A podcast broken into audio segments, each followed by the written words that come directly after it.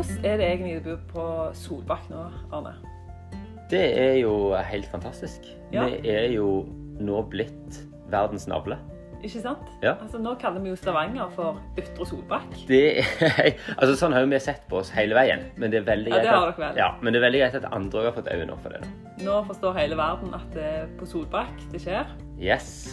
Og nå sitter vi her igjen. Og er klar for episode seks av Kjøkkenbordet. Tenk det. Så bare si velkommen. Ja. Siste episode så delte jo jeg litt av livet mitt. Ja. Eh, Og i dag er det din tur. Og så er det jo litt spennende. Altså, vi, får jo en del gode drøser rundt disse podkastene. Og det er jo noe vi gjerne ønsker òg. ja altså Eh. at vi treffer folk eh, utenom podkasten, Ja. og så får vi Ja. Så, så gjerne hørt podkasten eller har noen innspill eller spørsmål. Eller, og det, det setter vi veldig pris på. Det, så gjerne kom med det. Men i går da, så traff jeg en person eh, så eh, kjenner til deg, eh, men kjenner gjerne andre i familien din vel så godt. Og eh, denne personen hadde da truffet mor di. Okay. Eh, og hun hadde da, etter å ha hørt på podkasten, eh, så kanskje flere har hørt at jeg, jeg og du er jo litt forskjellige. Jeg er jo gjerne Det går litt saktere, eh, kanskje ikke så mange ord. Med deg så går det litt fortere. Og litt, ikke hva du snakker om! men det er da um, denne personen Og, og, så, og så har du en par søstre uh, som òg er litt samme ulla som deg. Ja, kan stemme. Det, så så det, denne personen har spurt mor di om det, at når, når hun har besøk av sine tre døtre, da, blant annet, uh, kommer hun til orde noen gang? Og gjør, gjør hun det? Ja, altså, en plass ifra må vi jo ha det. Ja. Ja. Ja, OK. Så spørsmålet er jo heller kommer far til orde. Ja, Nydelig. Men, men, dette, men dette gjør jo at jeg er litt sånn spent uh, i dag òg, da. Ja, Eh, det kan jo skli ut. Det kan skli. ut. Så jeg skal, jeg skal på en måte prøve å eh, styre det litt. Men samtidig så er jeg jo jeg, altså jeg kjenner jo jeg gleder meg til å høre, for jeg har jo hørt sikkert en god del av dette før. Men så er det jo når vi forteller, så kommer det jo ofte litt nye ting og litt andre ting fram. Så, så jeg eh, gleder meg virkelig. Ja. Mm. ja, det er jo litt eh, spennende for sin egen del òg å se tilbake på livet Altså at du ikke bare planter noe du gjør én gang, Mm. men kanskje når det har gått en tid, at du tar et nytt sånn tilbakeblikk. Og så ser du gjerne litt andre ting. Andre ting som Fordi du står en litt annen plass, så ser du det på en annen måte. Og så Ja. Så det, det er litt uh, spennende og fascinerende. Men uh, i den prosessen som jeg har gjort nå, da, på denne livshistorien, så har jeg, har jeg tenkt litt på dette med reunion, Arne. Reunion av alle ting. Yes. Ja. Har du vært på reunion noen gang? Én gang. En gang, ja. En gang. ja. Hva, er, hva er din følelse når liksom du blir invitert på reunion, eller Altså, igjen, vi er jo litt forskjellige. Altså, jeg, jeg, jeg husker den gangen så var det Det var helt greit. Det var Altså, du kommer, du skal liksom fortelle litt hva som har skjedd siden sist, og Ja. Det var liksom uh, Ja, det var fint, det. Var, Ja. liksom, det var ikke noe som setter noen merker i livet mitt, akkurat. Nei. Men, uh, men, men eh, du, da? Du, du har jo tenkt litt på dette, Ja, ja, for jeg kjenner jo på at um, Jeg har jo blitt invitert flere ganger på reunion, og det er litt sånn mixed feelings. På en måte så Å ja, det er jo kjekt. Treffe igjen folk som du har brukt masse tid med, og ikke sett på lenge, og alt det der. Eh, men så er det samtidig den der eh, Hva skal jeg fortelle? Ja. For du får jo den der Ja vel, lenge siden sist. Hva har du gjort? Hvor er du hen i livet? Hvor langt har du kommet? Hva jobber du med? Og da har jeg kjent på at um, Altså, egentlig så har jeg faktisk aldri ønska meg et uh, helt sånn A4-liv. Det har ikke vært veldig høyt opp på ønskelista mi. Jeg har nok heller sett for meg litt mer det der eventyrlivet. Litt sånn spontane. det som bare liksom skal oppleve mange ting. Litt sånn spennende og Det kan Ja. jeg se for meg. ja, ikke sånn plent 8-4 A4-opplegg. Men så um, er det jo noen ganger med livet at um, det er ikke alle erfaringer og opplevelser som en plent velger sjøl, da. Men ting bare kommer sånn ramlende inn. Og i reunion-sammenheng der det på en måte er fest og glede og alt det der, så klart, når du da kommer med et liv som absolutt ikke er A4, og ja, på et tidspunkt òg 100% ufør. På ingen som helst måte på den plassen gjerne alle andre er, da. Så føler en fort at en blir en sånn partypooper med en gang noen spør om hvordan det går i livet, eller ja. Ja. Eh, Og at det kan føles litt sånn ubehagelig. Men så tenker jeg at nå sitter vi rundt kjøkkenbordet. Mm. Og der er liksom stemningen sånn litt annen. Eh, For jeg ser for meg at hvis jeg skulle hatt et overskrift på, overskrifter på livet mitt i reunion-sammenheng, ville gjerne i manges øyne vært Le Miserable. Ai, ai, ai. Men når vi sitter rundt kjøkkenbordet, så har jeg da valgt i all beskjedenhet å bare sette en sånn arbeidstittel over denne her eh, livshistorien. ja. Fortell. Og det er Ragnhild Alsvik, et klassisk mesterverk. Det syns jeg passer deg mye bedre. Ja, ikke sant? Det var en mye bedre arbeidstittel for meg. Ja. Eh, og, men nå skal du, altså, det er ikke helt sånn, det er ikke bare sånn svevende greie, det klassiske mesterverket. Nei, Altså, det- fortell litt. Ja, for jeg ser for meg et sånn et musikkstykke, da, sant? klassisk musikkstykke, som spilles av et symfoniorkester.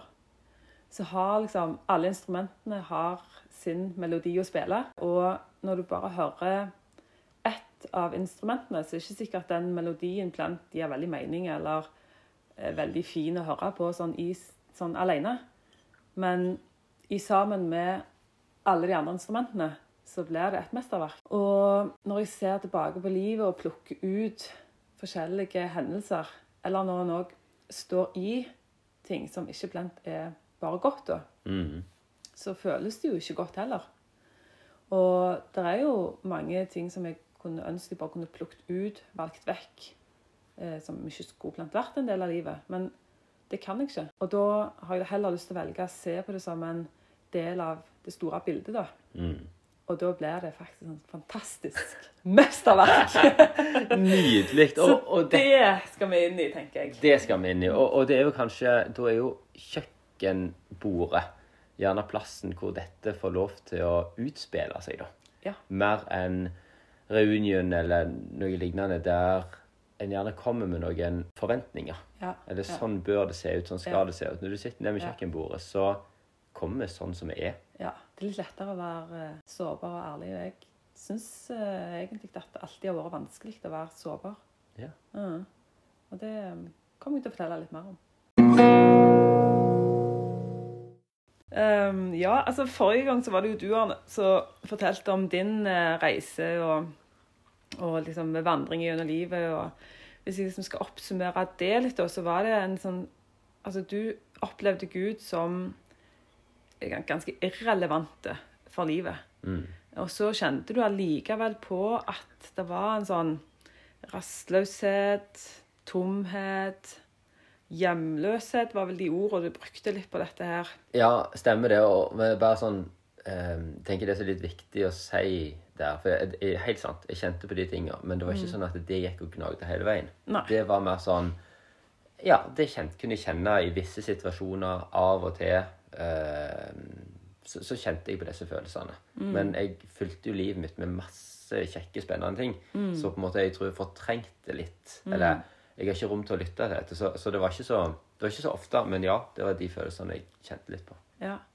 Eh, og så ble jo din på en måte, troshistorie da en fortelling om hvordan Gud venta tålmodig og lengta Mm. etter kontakt. Og et ønske om å fylle det tomrommet ditt med en kjærlighet som ikke tvinger seg på, da. Hvis jeg skal prøve å oppsummere litt det vi snakket om det klarte du veldig fint. Ja. Og så er det min tur denne gangen, og um, jeg kan jo kjenne meg igjen òg i, i, i mye av det som du eh, fortalte om. Og samtidig så er mye òg annerledes. Og før jeg liksom går inn i selve fortellingen, da, så tenker jeg sånn Hva er liksom den røde tråden i min vandring med Gud og i livet? Og jeg har nok alltid vært sånn interessert i å finne ut mer om ja, hvem Gud er. For jeg tenkte ganske tidlig egentlig, at okay, hvis, skal, hvis, det, hvis det er dette jeg baserer livet mitt på, så må jeg jo finne ut hva det er, da. Ja, Om det er trygt å basere livet på. Ja, og liksom Er det hold i det, og Ja. så jeg på en måte ja, sånn ønsker om å komme nærmere Gud på et vis. Kjenne han bedre. Eh, og samtidig så hadde jeg ikke så veldig lyst til at Gud skulle begynne å romstrere rundt i mitt liv. Jeg kunne gjerne komme nær til Gud, men akkurat som han ikke skulle få komme så veldig nært til meg, da. Og jeg var jo ikke så reflektert over akkurat det der og da, da. Men jeg ser jo nå at jeg egentlig så hadde jeg ikke så veldig lyst til å ha verken Gud eller folk veldig, veldig sånn tett på det der helt innerste. Hm. Jeg kunne jo godt være nært til andre og veldig lyst til å hjelpe andre og være til stede for andre, men ja Ikke så behov for det der nært på meg. Har har du gjort noen tanker om hvorfor det, liksom? Eh, Jeg tror jeg ville være veldig sterk. Ja. Eh, Sånn Ja, ikke være svak, sant. Eh, Jeg ville være modig, ikke redd. Og så føltes nok det der sårbare og alt det der, det føltes veldig sånn svakhetstegn, sant. Du legger deg ikke ned og begynner å grine. Nei. Nei. Men så har jeg tenkt nå, da, er jo på en måte Hvor mye av andre sin smerte kan vi egentlig romme hvis vi ikke rommer vår egen? Men det er jo sånn som jeg har tenkt på nå, da. Ja. Uh. Mm. Um, men de, de store spørsmålene da i forhold til Gud, det var jo egentlig Ja, kan jeg stole på Gud? Uh, Er Gud god? Og vil han livet mitt vel? Og ja, holder Gud hvis alt rakner? ja. Det er store spørsmål, da. Ja, det er jo store spørsmål, men jeg tror de liksom mer og mindre bevisst da, lå der og, og svirra liksom i, i eh, ja, i hodet. da. Men eh, før jeg går liksom nærmere inn i dybden på alt det der, så tenkte jeg jeg skulle bare ta litt sånn ifra starten av. Ja, kan du ikke gjøre det? Ja, jeg er jo fra Jørpeland. Mm. Stolt av det. ja, og vokste opp i en familie på seks. Mor og far og tre søsken. En storbror og to eh, mindre søstre. Og litt sånn i likhet med deg, Arne, så var det òg et kristent hjem. Eh, så vi var på søndagsskolen, bedehuset, kirka. Reiste på leir, reiste på sommerfestivaler. Ja, var liksom innenfor i det der med, hva skal jeg si, kristne opplegget, da. Mm. Og for min del så føltes det stort sett eh, trygt og bra. Eh, det var liksom i, i den settingen hadde jeg masse venner. Du sa at du var alt alene da.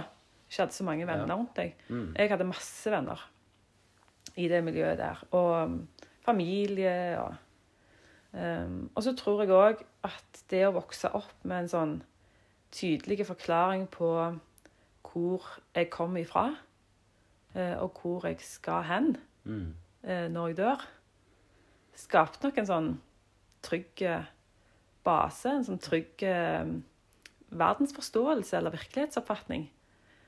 Um, men det er jo òg litt festlig da når Altså når alle forklaringer eh, på spørsmål eh, eh, blir liksom eh, gitt videre til Gud som den ansvarlige. Ja. Eh, og jeg tror nok kanskje Nå skal ikke jeg, nå skal ikke jeg utlevere så veldig mange av mine andre familiemedlemmer, da, men, eh, men jeg tror nok at mor eh, tok en liten snarvei noen ganger når spørsmålene ble litt sånn ah, Skal vi snakke om det nå? Litt sånn Hvor kommer vi fra? Hvordan kommer babyen inn i magen? Og disse spørsmålene her. Ja. Så, så fikk vi nok en forklaring på at ja, det er det Gud. Det er Gud som skaper babyen. Mm. Det er Gud som liksom, Det er en gave fra Gud. Og, og, sånt. og det resulterte jo at eh, en av søstrene mine da, hun i lange tider hver kveld ba en tapper bønn om at Gud ikke måtte gjøre henne gravid. Følte seg ikke voksen nok til å bære fram en baby baby inni magen og litt sånn. Så det Ja, eh, Nydelig. ja, det er litt festlig, da. Men um, altså, utover det, altså, det var, det var trygt og, og fint, egentlig. Ehm, og så tror jeg at jeg som, som liten, allerede fra jeg var liten, var veldig sånn Jeg skal klare ting sjøl. Eh, fikse opp i ting sjøl og, og få til ting. Og altså, det er jo en sånn kjent foreldrestrategi når unger ikke vil eh, spise opp maten, f.eks så er det jo lurt å begynne med den der Jeg tror ikke du klarer det. Du klarer aldri å spise opp de fem siste er- Veldig kjent. Og den er veldig kjent, du, den funker på unger inntil en viss alder. Ja. Men den tror jeg faktisk funker på meg ennå, Arne. Altså Hvis Dette må jeg huske. Ja. ja hvis jeg får den der «Nei, Vet ikke om du klarer det, Ragnhild. da blir det gjort. Da har jeg sånn får så enormt behov for å bare bevise det for meg sjøl og andre at ja, dette fikser jeg. Og det verste av at jeg kjenner meg litt igjen i akkurat det. Ja, sant? Ja. Mhm. Um, altså, husker jeg òg som liten da, at um, selv om jeg hadde det veldig trygt, eh, så kjente jeg òg en del på redsel eh, og frykt. Og så tror jeg at jeg av en eller annen grunn ganske tidlig har fått en sånn følelse av at mm, det er litt sånn det er sånn svakhetstegn å være redd. Eh, og at det, det var noe jeg skamma meg over. Jeg hadde ikke lyst til å vise andre at jeg var redd. Og jeg var nok ganske mye tøffere utad enn det jeg var innad. Um, og um, jeg lærte meg et bibelvers da jeg var liten. Ganske tidlig. Ja. Og det har jo egentlig fulgt meg gjennom hele livet. Og Det høres jo superkristent ut, men det var eh, et bibelvers som står i Isaiah 41,10, og jeg kan det jo utenat ennå. Eh, og det er 'Vær ikke redd, for jeg er med deg'.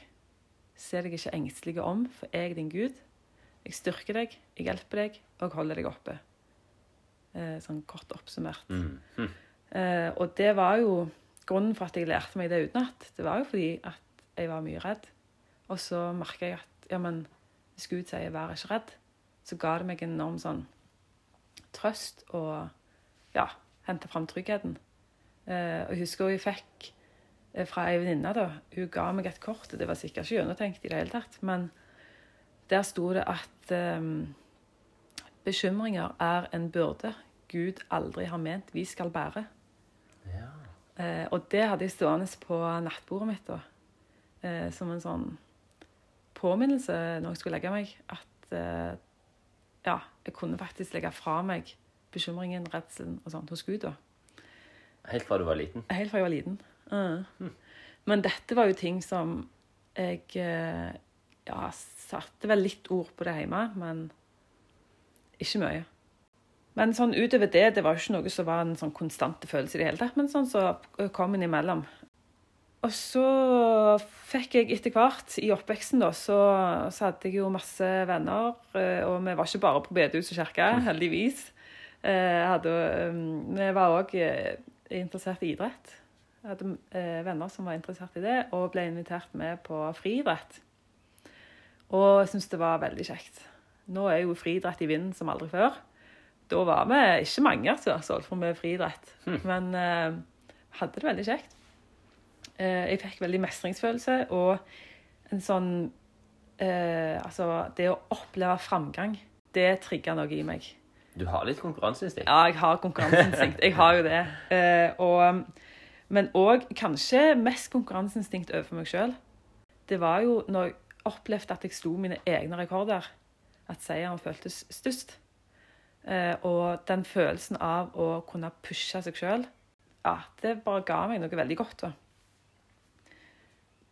Og jeg ser jo nå, når jeg ser tilbake igjen på den oppveksten, og, og når vi gikk inn i, i ungdomsskolen og sånn òg, at jeg, veldig, jeg har vært veldig heldig. Har hatt så mange gode venner.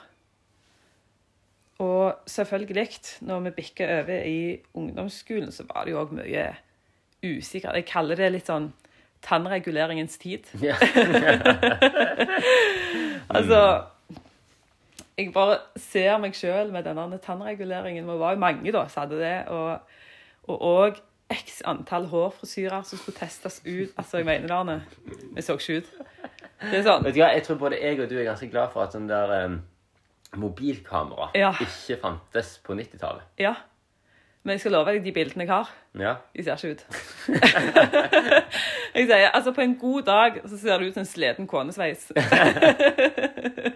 Dette har jeg lyst til å se en gang. Ja, vi får se. Vi får se. Mm.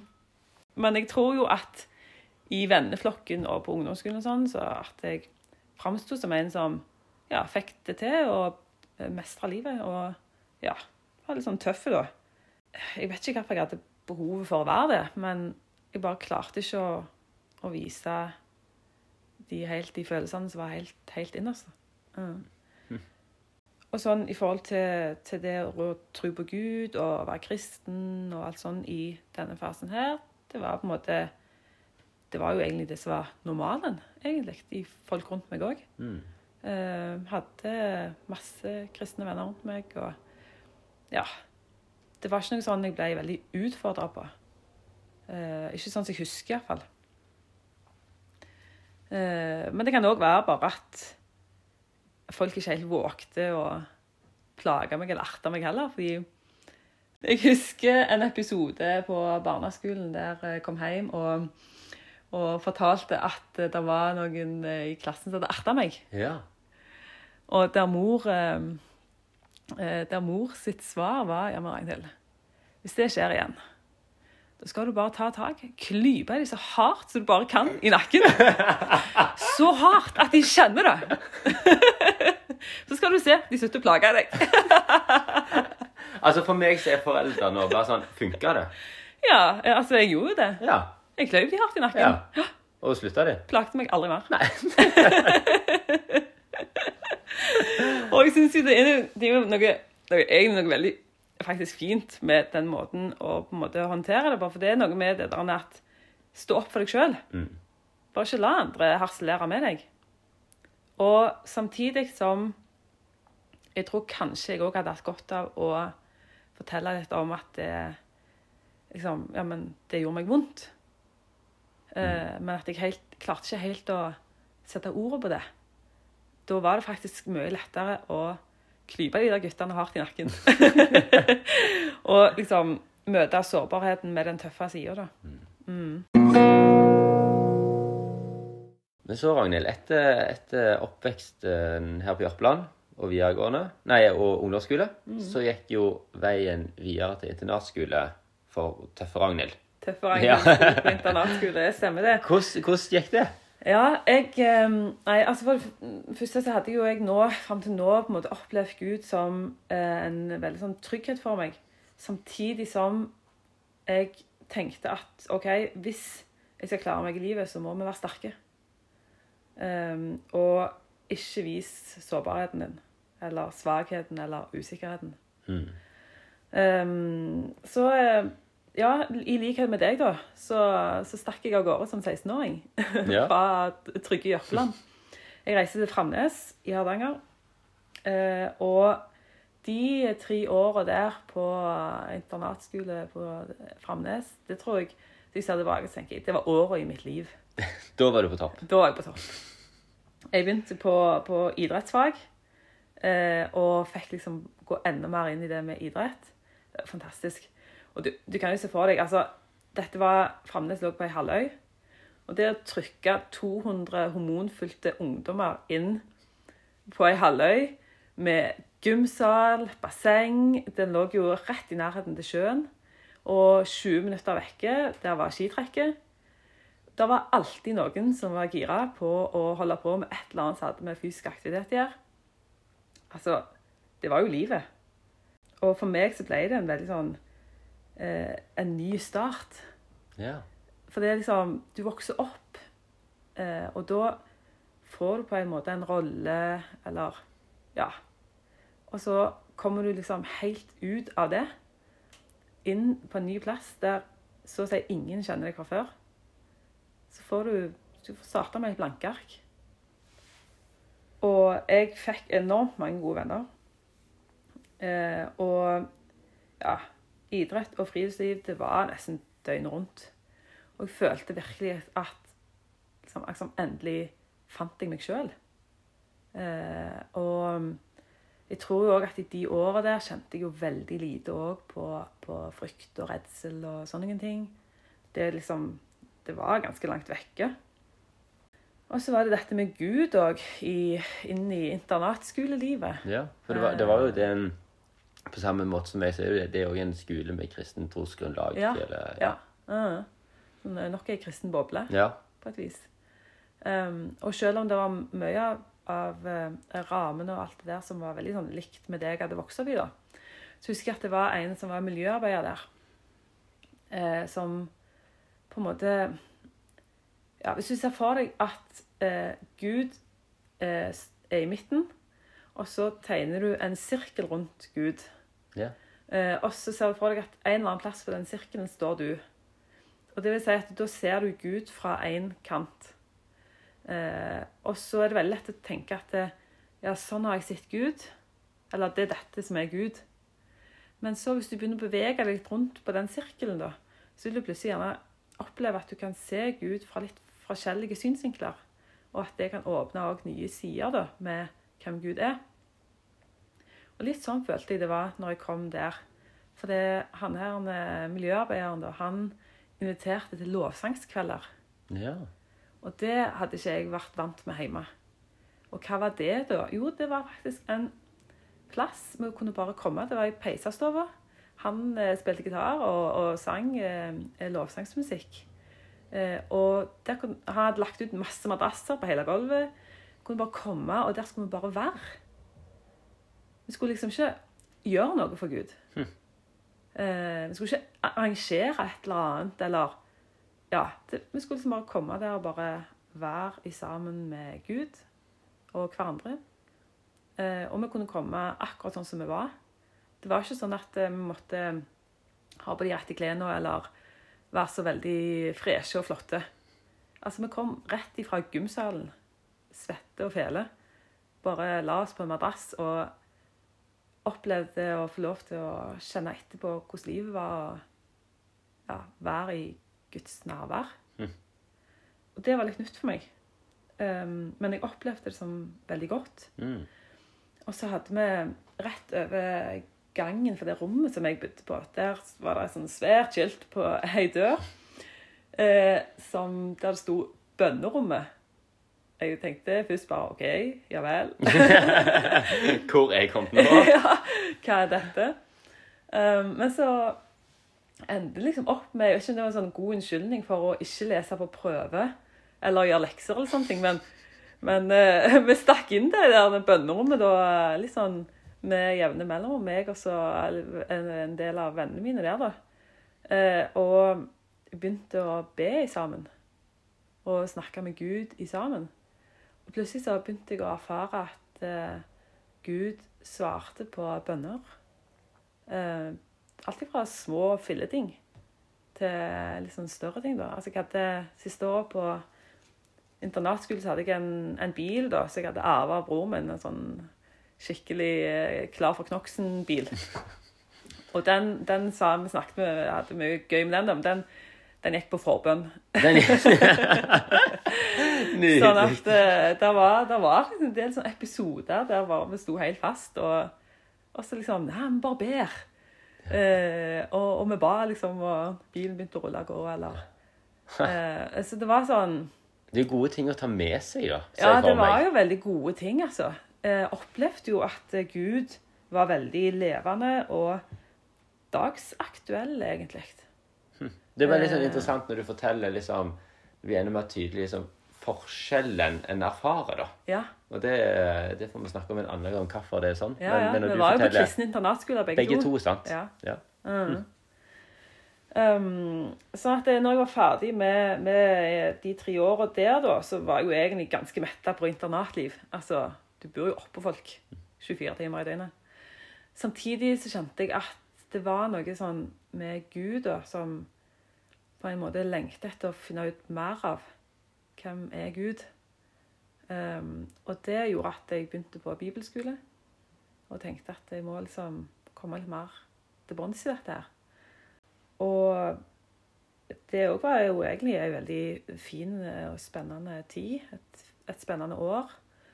Um, men så er det jo det da når du har vært gjennom et sånt år, uh, så kan en jo òg bikke over i den der sjølgodheten. Eller nå Nå har jeg funnet ut alt nå er jeg utlært. Ja, I, i forhold til Gud, da? Ja, du? Gud og livet. Ja. Og veldig tro på meg sjøl, sant? ja, for da var du jo tross alt eh, sikkert 20 år og hadde opplevd det meste. Ja, da hadde jeg opplevd det du måtte oppleve i livet, og, og liksom gjort meg opp de meningene som jeg trengte å ha. Mm. Eh, spesielt meningene som kristen, da, sant. Um, og, og, og, og liksom hadde på en måte det grunnlaget som skulle til for å trø videre fram i livet. Um, og, det var jo altså Jeg opplevde jo mye glede i den tida. Um, opplevde meg veldig som idrettsjenta Ragnhild. Som ei, en rolle eller en person som jeg òg trivdes veldig godt med å være. Var, var, du på en måte hun som mestra det meste her? Ja, det tror jeg faktisk. Ja. Og det jeg ikke mestra, det bare pakket jeg inn og gjemte vekk. Ja. Mm. Eh, enkelt og greit. Sånn kan du bare gjøre det. Ja. Hva er problemet? Pakk det inn, få det vekk. Det er Arne Ragnhilds tips til folk. ja. Livsvisdom på høyt Yes. nivå. Um, men jeg, jeg følte meg òg veldig sterk. Jeg var veldig fysisk sterk. Og, og følte meg òg veldig mentalt sterk. Um, klart, eh, jeg ser jo nå at eh, jeg hadde jo ikke akkurat røynt livet. Det hadde jeg jo ikke. Um, men en sånn Møtte livet egentlig med veldig åpne armer. Uh, og, og syns på en måte at åh, det er spennende å leve, og, og Gud er spennende. Så jeg, og jeg følte meg veldig sånn på lag med Gud. Uh, nå, Gud, meg og det, Gud i verden. Liksom, hva blir det neste? Og, og, nei, alt var liksom så, så spennende, og på et eller annet vis jeg følte meg nok veldig sånn uovervinnelig. Ja. Eh, sånn Come at meg. Ja. Men Meg og deg, både, Gud. Ja, ja, så både deg sjøl, men òg at du var på lag med Gud, liksom. Ja, ja, ja. Ja. Sånn at det er meg og Gud i sammen, sant? Det var jo uknuselig, Ja. nærmest. Mm. Ja. Um, og, og jeg tenker av og til på de der med sommerferiene jeg hadde innimellom her. Og sånn, livet, hvordan det var da. Altså, det, var, det var veldig spontant. Altså, jeg var jo en av de da som valgte å ikke jobbe i sommerferien. For jeg tenkte nei, jeg trenger ikke penger. Nei. og så, altså, sommer var jo sånn høgsesong for alle mulige kjekke fysiske aktiviteter og ah, for livet generelt, liksom. Nei, kunne ikke kaste vekk tida på å jobbe. Så mye gøy å ta seg til. Eh, og liksom, ja, jeg trengte faktisk ikke penger heller, for vi bare haika med rundt forbi. Ja. Så det var sånn eh, sekk på ryggen, volleyball under den ene armen, sovepose under den andre armen, og så haika vi rundt i Norges land og levde på lykken, jeg vet ikke jeg. Eh, Ja. Det var, det var bare en veldig god tid. Ja. Eh, og møtte masse spennende folk og utfordra meg sjøl veldig på det fysiske. Um, og, og dette med Gud òg. Altså, det ga veldig mening òg til livet. En veldig sånn trygghet. Ja. Men Ragnhild, dette hørtes ut som en fantastisk periode i livet, så kledde det ganske godt. Ja, så det vil jeg jo si. Ja. Men var det ingenting i, eh, i eh, ja, denne perioden av livet ditt da, som var tungt eller vanskelig eller ja, som var gale? Jeg tror at jeg eh, var veldig flink til bare vosj, vosj, koste det vekk. Ja. Hvis jeg kjente på et eller annet. Eller. Men så tror jeg òg at jeg kanskje er sånn som person at eh, hvis ting har vært vanskelig, så skal det ha vært veldig vanskelig for at jeg bærer det med meg veldig lenge. Så det har nok vært litt sånn kjærlighetssorg, bla, bla, bla, innimellom der. Men det var jo gjerne først um, i slutten av det året på, på bibelskolen, da. Og når jeg begynte å få idrettsskader, Ja. at uh, livet At det begynte å bytte litt imot. Um, så det første som skjedde, det var jo at jeg um, klarte å rygge korsbåndet. Det er jo en vanlig idrettsskade, det. Hadde jo for så vidt mange rundt meg som hadde gjort det før. Og, uh, og så skulle det opereres, da, og det var uh, på, liksom på seint på våren Ja, sånn helt i slutten av det året på bibelskolen. da. Og jeg tenkte at uh, ja, liten operasjon. Inn og ut, og det går fint. Jeg var ikke noe, var ikke noe særlig sånn bekymra. Jeg tenkte jo at det blir en opptrening, men ja, det går fint. Mm. Og operasjonen den gikk jo for så vidt eh, fint, den. Men jeg var bare ikke forberedt på hvordan den eh, operasjonen, eller den tida etterpå, skulle påvirke meg mentalt. For nå har jeg jo fortalt om hvordan mine somrer pleide å være. sant? Ja. Og plutselig så gikk jeg inn i en sommer på krykker. Syns det var, jeg syns det var helt forferdelig kjipt. Fordi at eh, jeg ikke kunne være med på noen ting av det alle vennene mine gjorde. Og følte nok på mange måter at jeg mista meg sjøl. Og hvis noen spurte hvordan jeg hadde det, og sånn, så gikk det jo bra. Alt går jo alltid bra. Mm. Ja, ja. Eh, og jeg, jeg tror ikke heller at jeg liksom tillot meg sjøl heller å kjenne så veldig etter. Men eh, jeg mista jo veldig matlysten. ja. Eh, og det gjorde jo at jeg òg mista veldig mye kroppsvekt. Muskelmasse, og gikk veldig fort ned i vekt. Eh, ble veldig tynn. Og jeg tenker jo nå i seinere tid at jeg var jo nok egentlig deprimert. Men jeg klarte jo ikke å se det helt sjøl.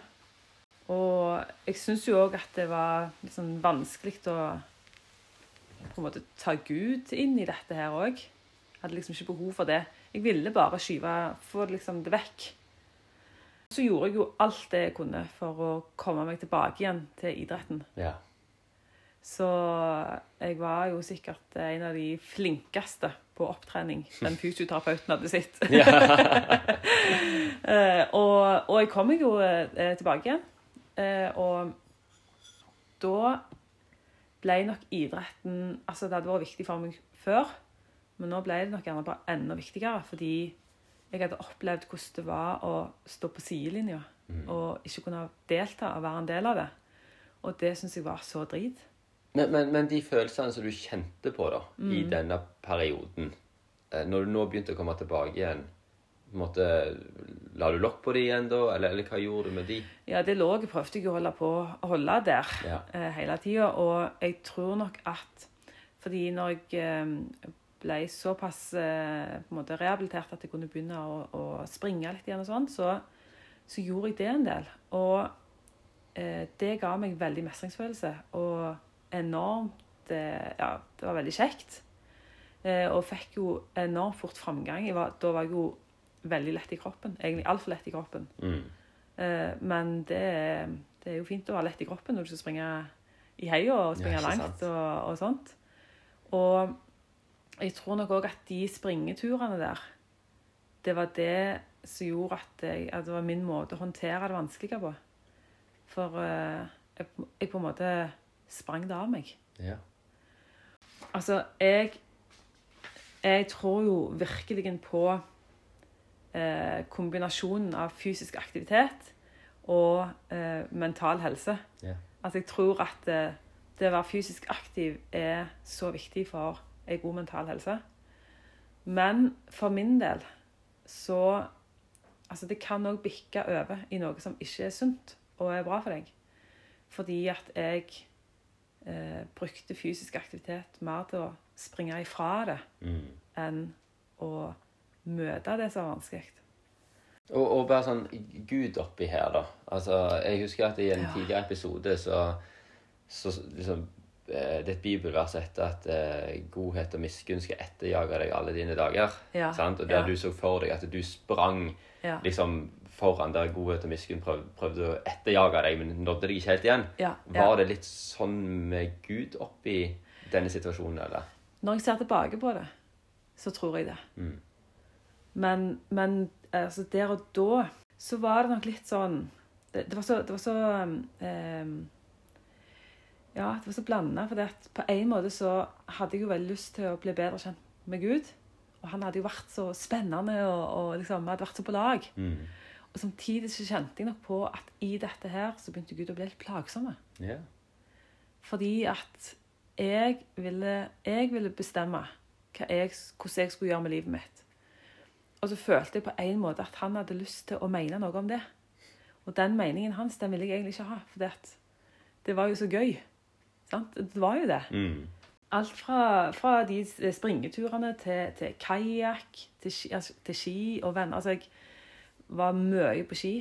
Eh, toppturer og, hadde liksom fantastiske opplevelser.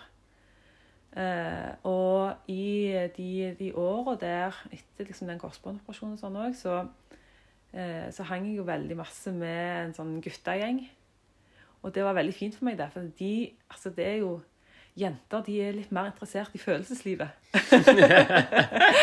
Gutter de er ikke så, liksom Selv om vi hadde mange fine samtaler eh, der òg, altså. Men akkurat som jeg følte at de lot meg være litt mer i fred med ja, det som egentlig rørte seg inni. Og venninner og sånn som prøvde å på en måte spørre hvordan jeg egentlig hadde det.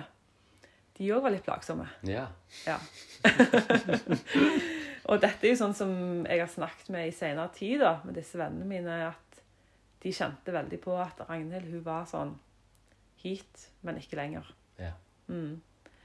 Og det var sånn jeg ville ha Gud. Og, og egentlig så tror jeg jeg var sånn mot meg sjøl òg. At jeg ville ikke ha meg sjøl heller inn i det der eh, Det som hadde vært så vanskelig når jeg ble skada. Og, og jeg tenker jo nå at det var jo en identitetskrise. For hvem var jeg, liksom? Hvem er jeg? Når jeg ikke er idrettsjenta Ragnhild. Ja, sånn usikkerhet i selvbildet, da. Og så ville jeg jo veldig gjerne bare fikse opp i livet sjøl. Jeg ville være den sterke. Men eh, jeg ser jo at jeg virkelig håndterte ting veldig sånn Jeg fiksa jo egentlig ikke opp i det. Jeg bare skjøt det vekk. Uh, ja, og så var det jo liksom inn, innblanda i den tida der, så etter bibelskole så jobba jeg to år uh, i Jørpeland menighet som ungdomsarbeider. Reiste tilbake igjen til Jørpeland. Mm. Eh, og det var jo veldig kjekt. Så, så selv om jeg på en måte hadde ting som jeg liksom sprang ifra, så hadde jeg jo òg ting som jeg bare trivdes så godt med og syntes var veldig kjekt. Etter de åra på, eh, på Jørpeland som ungdomsarbeider, så begynte jeg på eh, teologistudier i Bergen og friluftsliv i Volda. Yeah. Og, og jeg elska jo den kombinasjonen, egentlig, med teologi og friluftsliv. Og jeg, eh, jeg møtte en helt sånn fantastisk eh, lærer som underviste i eh, Gamle testamentet det første året jeg gikk der. Jeg skulle egentlig bare gå ett år. Men han er er sånn utrolig levende vesen. Og han, han så jo på min kombinasjon av teologi og friluftslivsstudier som den mest naturlige kombinasjonen du kunne ha. ja. Fordi liksom, Tenk det å studere Gud samtidig som du studerer skaperverket. Og, og meg og han hadde nok altså Han var jo sikkert nærmest pensjonist. Vi hadde veldig mye til felles Ja. og, og ble perlevenner. Det er kanskje derfor jeg og du òg funker i lag, for jeg har jo sånn mentalalderen min ligger nok rundt pensjonister. Ja, ja, ja, det er det. Det er kanskje det. Ja, jeg skjønner det. Ja. Uh, men han her var jo en fascinerende type. altså. Han røykte som en skorstein og hadde en kondisjon. Han var sikkert bedre trent enn meg. Eh, og påsto at han kjente alle fiskene som bodde i vannet på Frekkhaug. og hadde bodd store deler av sitt liv i Israel og jobba som, eh, som prest. Eh, kombinert med at han trente den israelske hæren ute i villmarka, hvordan de skulle overleve ute i ørkenen. Og, og hadde, det, var, det var en sånn veldig sammensatt person, og som hadde en inngang til Bibelen som var litt ny, og så litt annerledes på ting. Og, og det var han da som var jo så inspirerende lærer at eh, når han eh, foreslo at jeg skulle studere hebraisk, så tenkte jeg ja, det skal jeg gjøre. Ja.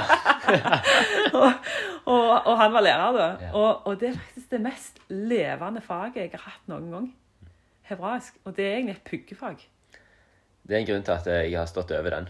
Ja. Mm. Men han ga så enormt mye. Altså, han viste noen dybder da, som ligger i, i Bibelen. Eh, når du liksom går inn i grunnteksten. Det høres jo veldig nerdete ut, men, men eh, så ga meg jo en sånn veldig sånn trygghet i at ja, men det er jo sant, dette her, faktisk. Og, og de sammenhengene som er her i denne boka her, det er ikke gjort på slump. Det er ikke tilfeldig. Eh, Så jeg fikk veldig mange gode svar på mye sånn teologi, da. Og så hadde jeg jo samtidig denne her også litt sånn kampen med Gud. Men dette òg høres ut som en, en ganske sånn kjekke og god periode i livet ditt. På mange måter. Eh, og så nevner du eh, her liksom den svar på noen spørsmål, men fortsatt en slags kamp med Gud. Hvordan, hvordan utvikla dette seg for deg? Nei, egentlig så For jeg kjente jo på at ting var jo ikke helt bra. Og så syntes jeg det var litt sånn frustrerende òg. Jeg tenkte ja, men kan du ikke Gud, du kan jo bare fikse opp i dette her.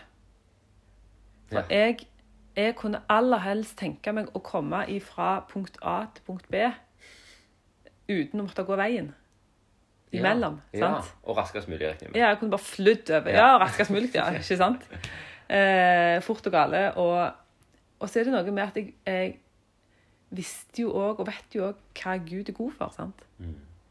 Hva han er i stand til å gjøre hvis han har skapt meg. Og liksom hele skaperverket. Kan bare knipse med en fing, Mm. så er jo alt rosenrødt med en gang. Skulle i hvert fall trodd det. Ja. Ja.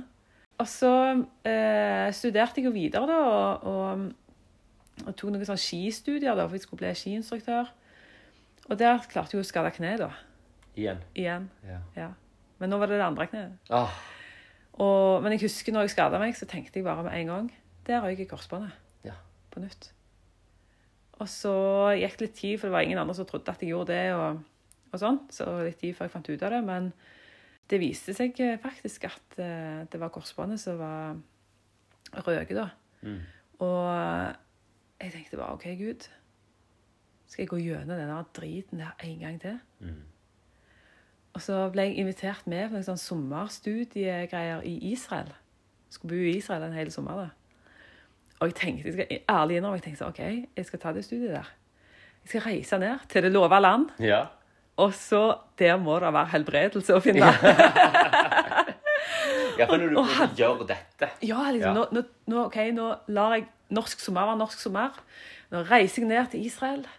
Altså, Der må jo Gud være veldig sterk til stede. ja, og, og tenk på alt du ofrer her hjemme. Alt jeg ofrer her hjemme. Og, og, og det der. Og så, liksom, reiser jeg ned der òg for liksom, å studere mer eh, Det var jo både religion, da, eh, andre religioner, men òg eh, mer Bibelen. Og, og liksom disse greiene her. Og tenkte at Og hadde jo en sånn forventning til Gud når jeg reiste ned òg, sant. Mm. Og, og traff de andre som skulle være med som studenter. Og det var jo noen der eh, sånn ganske karismatiske eh, folk der, vet du. De er jo hallelujastemning med en gang og har veldig tro på helbredelse. Og altså, jeg ble så mye bedt for der nede. Og vi ba så mye om helbredelse. Og, men kneet mitt ble bare verre og verre. verre. Mm. Og så fant jeg ut når jeg kom hjem at eh, nei, jeg må faktisk bare hoppe av. Jeg skulle egentlig gå videre på idrettsstudier. Jeg må bare hoppe av det der. Og så er jeg nødt for å operere dette korsbåndet her. Mm. Og ja, grudde meg jo egentlig veldig til det. Men det var jo heller ikke noe som jeg sa til noen, da. Nei, nei, At jeg gjorde. selvfølgelig ikke. Tøffesen. Og dette ble jo på mange måter en start på en ny epoke i livet ditt. Ja, det visste jeg jo ikke da. Men det er klart Det, ja, det utspilte seg jo ganske annerledes. Og altså, du innleder jo så fint, Arne, med at eh, liksom, er det noen i familien deres altså, Hvem kommer til orde i familien deres? Ja. Eh, Når du først åpner munnen og begynner å snakke, så kommer det mye. Og, og derfor så Altså, jeg, jeg tror faktisk Arne vi må lage en episode to. Vi må det. Der vi går litt inn i denne delen I den delen, ja. av livet til Ragnhild. Ja. Mm. Skal vi bare avrunde her sånn nå, da? Så si at det, Det kommer en del to. det kommer en del to. Kanskje. Nei, jeg skal ikke røpe noe. Nei. Nei, la han henge der. Vi lar han henge. Mm.